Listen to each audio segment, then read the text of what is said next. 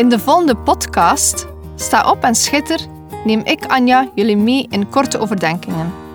Als christenvrouw, moeder en echtgenote wil ik bemoedigen en aansporen om op te staan en te schitteren. We zijn niet gemaakt om in Gods koninkrijk stil te zitten en niets te doen, maar om op te staan en dienstbaar te zijn. In de eerste plaats zien over God, daarna zien over ons gezin, onze partner of onze geloofsgenoten. En als gevolg zullen we dan ook schitteren in de wereld. Neem je Bijbel bij de hand, want zonder Bijbel zijn we als een kok zonder eten of een zanger zonder stem. Dus luister naar, sta op en schitter.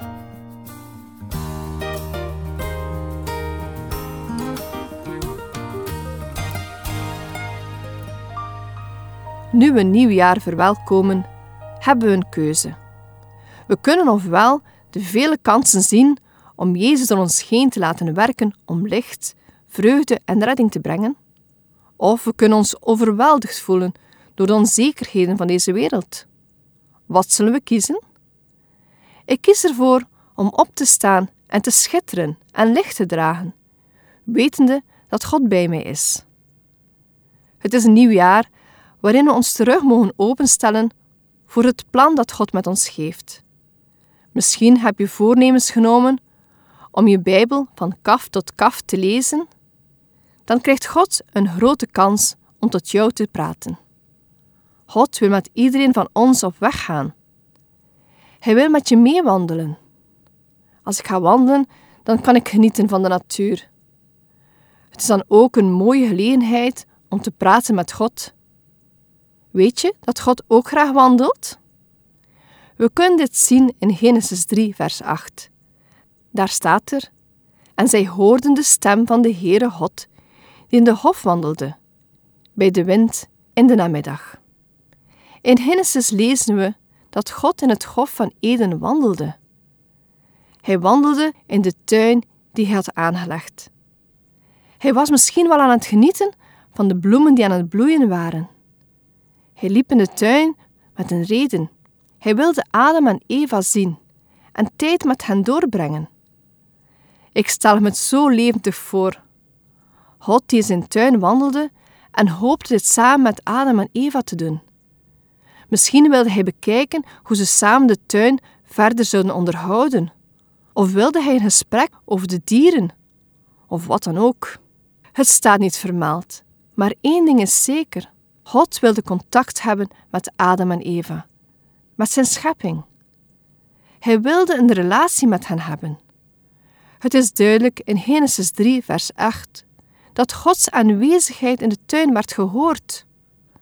Want we hebben het zo net gelezen, zij hoorden de stem van de Heere God. Zijn stappen waren hoorbaar, hij maakte geluid. Het was een aanwezigheid die Adam en Eva herkenden.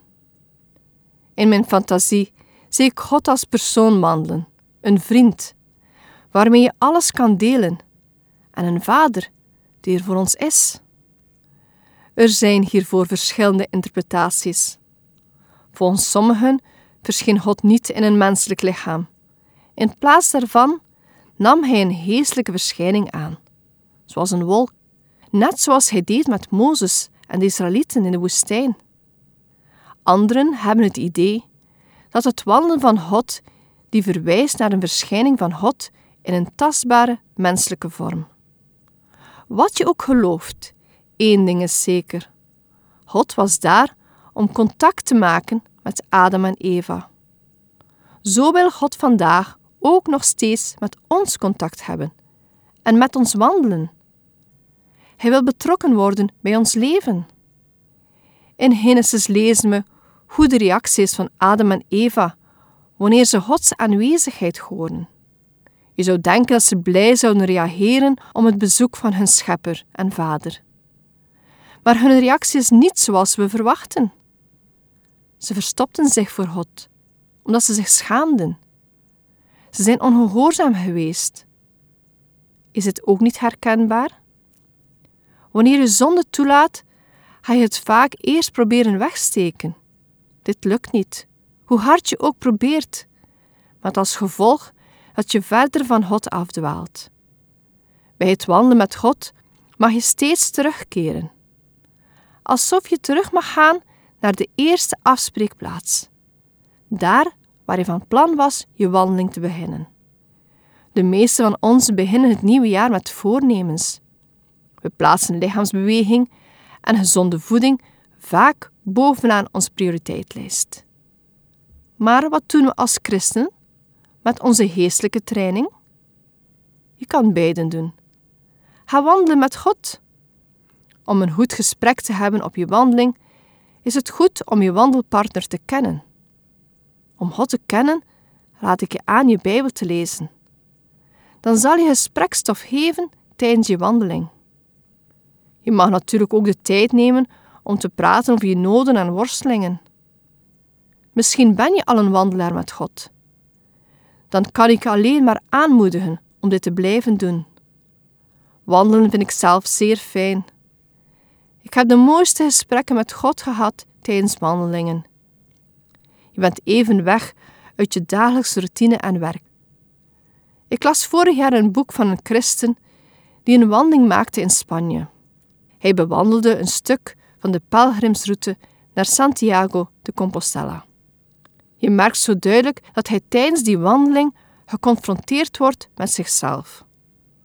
Ondertussen zocht ik wat meer op over deze bedevaart en ik moet zeggen dat het iedere getuigenis gaat over verandering. Een vrouw getuigde het volgende. Tijdens mijn wandeling door de Spaanse natuur draait het echt om het nu. Als je bij iedere stap je blaren voelt, word je echt wel geconfronteerd met het huidige moment. Je kunt niet anders dan terug naar de basis gaan.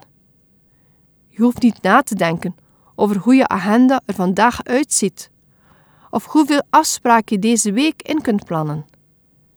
De enige volgende stap waarover je na hoeft te denken is letterlijk de stap die je ene voet voor je andere zet. Een andere man kreeg na zijn wandeling de vraag: Wat heeft de tocht u qua zingeving gebracht? Zijn antwoord was het volgende: Voor mij had het zoeken naar en vinden van God een wezenlijke plek in de tocht. Een stukje lopen kan overal, dit was anders. Voor mij geven de interactie van mijn schepper en met andere mensen zin aan het leven. En onderweg, lopend tussen houden graanvelden onder een donkerblauwe lucht, ervoer ik zijn grootsheid en zijn almacht. Iedereen is erover eens dat wandelen op de weg naar Compostela iets met je geestelijk leven doet. Zelf geloof ik dat iedere wandeling met God iets met je leven doet. Het hoeft dus niet zo'n grote wandeling te zijn als de Compostela om God te vinden. Dat kan ook in je eigen buurt. Sommige personen kunnen door gezondheidsredenen niet wandelen. Mijn advies is: ga dan geestelijk wandelen met God. Zoek een rustig plaatsje in een huis, tuin of natuur en zoek God in die stilte op en ga in gesprek. We vinden in de Bijbel nog verhalen van wandelingen. In Genesis 6, vers 9 lezen we hoe Noah wandelde met God. Daar staat: Dit zijn de afstammelingen van Noah. Noah was rechtvaardig, oprecht man onder zijn tijdgenoten. Noah wandelde met God.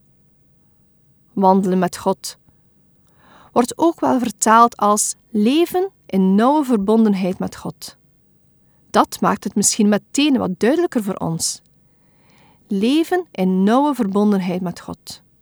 Leven in nauwe verbondenheid met God gaat niet samen met je eigen hang blijven gaan. Ik hoop dat jullie er naar verlangen om in nauwe verbondenheid met God te leven.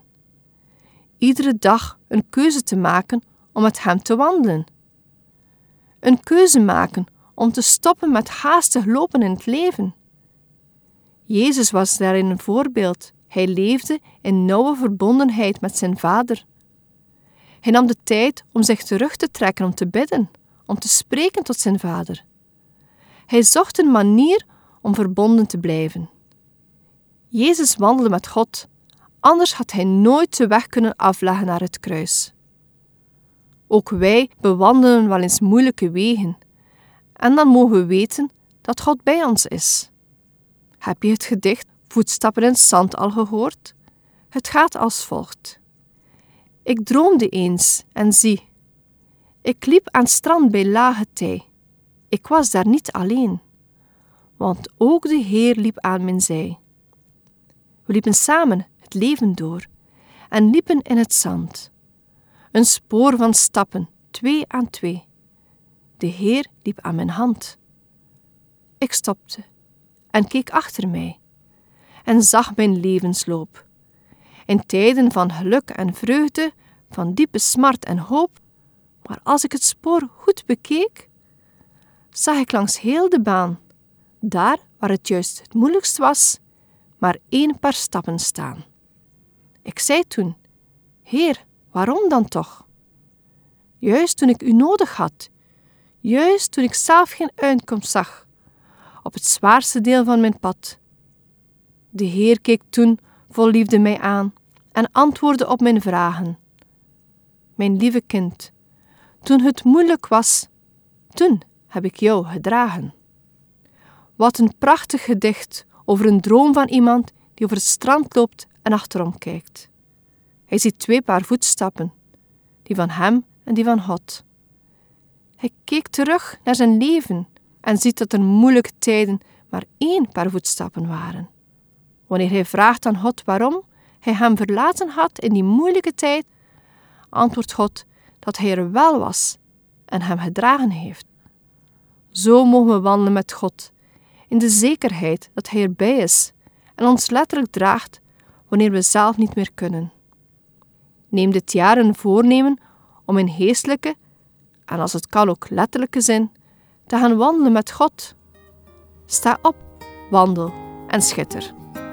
Deze podcast kun je steeds opnieuw beluisteren via de website en app van twr.be. Als je deze aflevering leuk vond en je wilt de podcast helpen ondersteunen, deel hem dan met anderen. Heb je gebed nodig of wil je reageren op deze uitzending? Zend dan gerust een mailtje naar anja.twr.be. Bedankt voor het luisteren.